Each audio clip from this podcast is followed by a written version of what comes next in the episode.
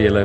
Ons sit weer hier so in gesels en en ek is so opgewonde in hierdie tyd waar ons is, jy weet met Paasfees en en wat Paasfees beteken of, of Pessach soos wat die wat die Jode dit sê en en hoe ek dit uiteindelik begin verstaan en eintlik hoe ek hierdie hele ding begin verstaan, jy weet wat wat wat se waarde dit in ons lewe het want ons ons almal het groot geword hiermee Suid-Afrikaners en ons almal gaan altyd deur die stappe maar ons verstaan nie noodwendig wat die diepe betekenis van hierdie ding is nie en ek is so opgewonde dat ons dit kan deel in die tyd waar ons nou is.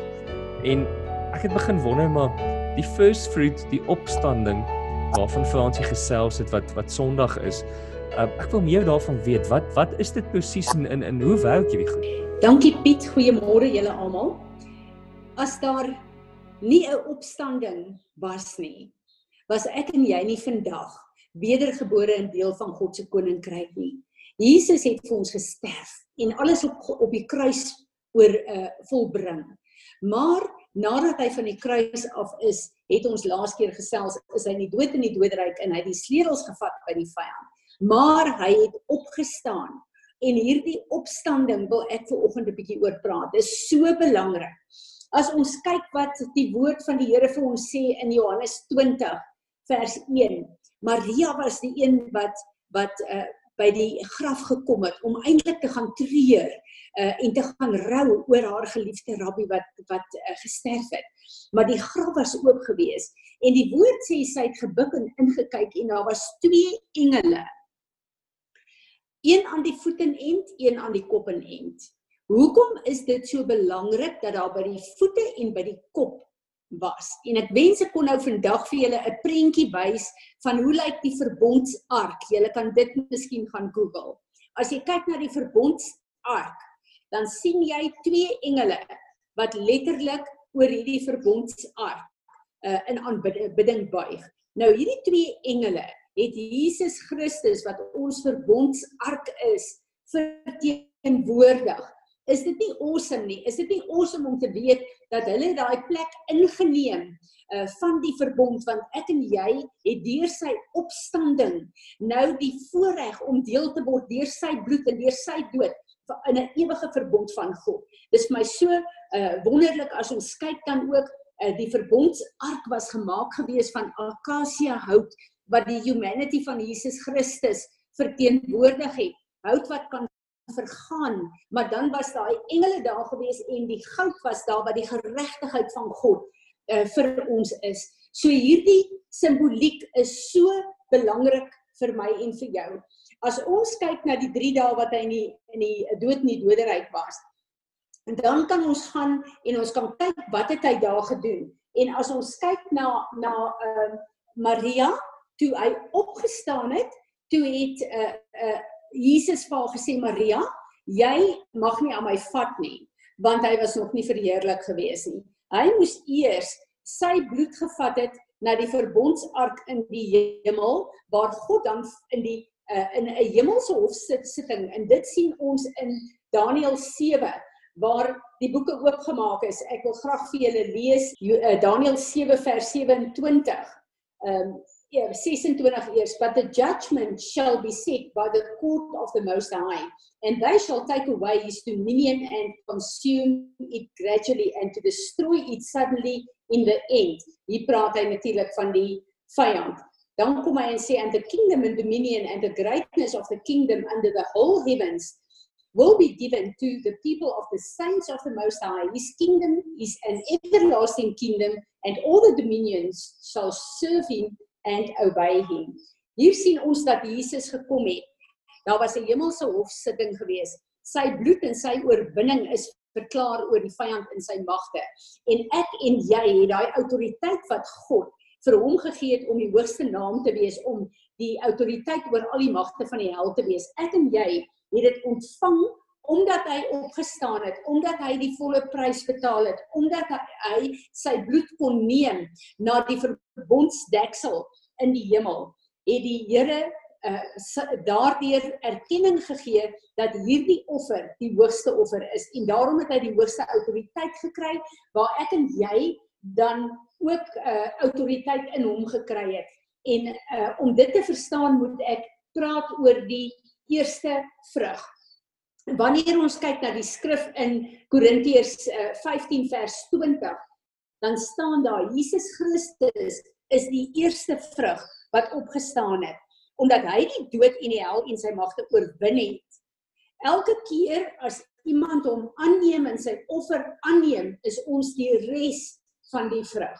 Nou as ons kyk na Efesiërs 1 vers 14, dan staan daar en wanneer die eerste vrug daar is, dan bring dit letterlik 'n orde vir die res wat moet volg. So dit wil sê daai eerste is daar, God is daarmee geëer en die feit dat ons God daarmee geëer het, kom die Here in die gees en hy bring die res wat moet inkom, bring hy uh, sy autoriteit en sy seën op.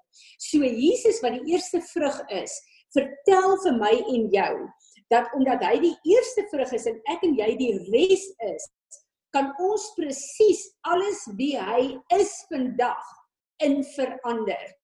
Daai woord wat sê dat ons moet in sy beeld en gelykenis verander.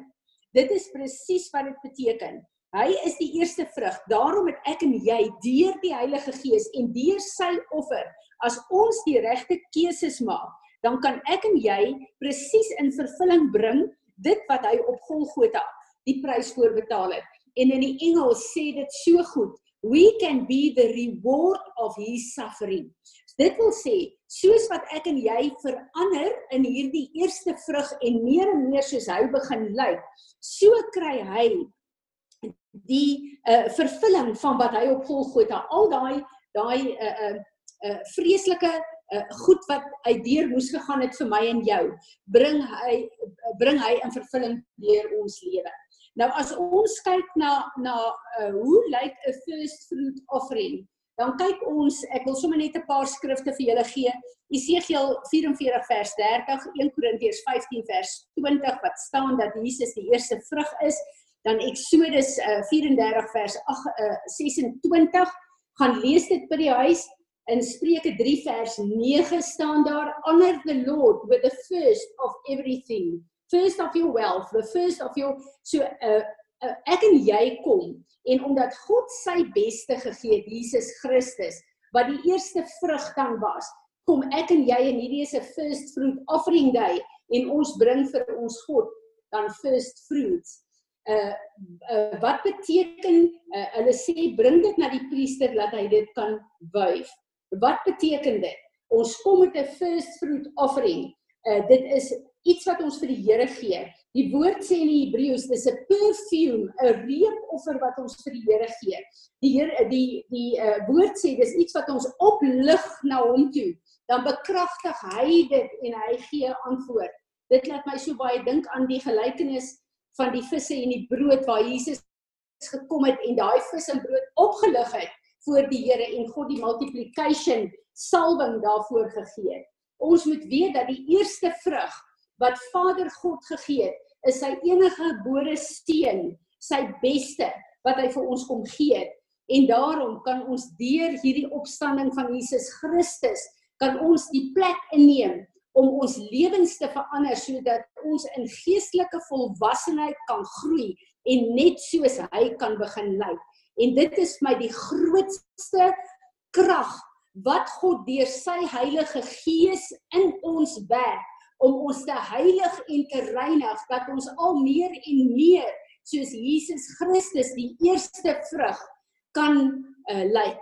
En sodat ek en jy dan in ons persoonlike lewe ook 'n eerste vrug kan wees om ander mense in te bid en in te bring in die koninkryk van God sodat hulle Jesus kan ontmoet, sy offer kan aanneem en deel kan word van die koninkryk van God. Is daar dan 'n gebed wat wat jy vir ons kan doen om ons harte voor te berei vir vir Sondag, vir hierdie opstanding, vir hierdie eerste vrug waarna ons kan loop? Vader, dankie dat ons kan kom in die naam van Jesus Christus, ons Heer en Meester, die eerste vrug wat uit die dood uit opgestaan het om lof en eer en aanbidding vir U te bring. Die eerste vrug wat die werk van die vyand onder sy voete kom plaas het volgens Romeine 16 vers 20.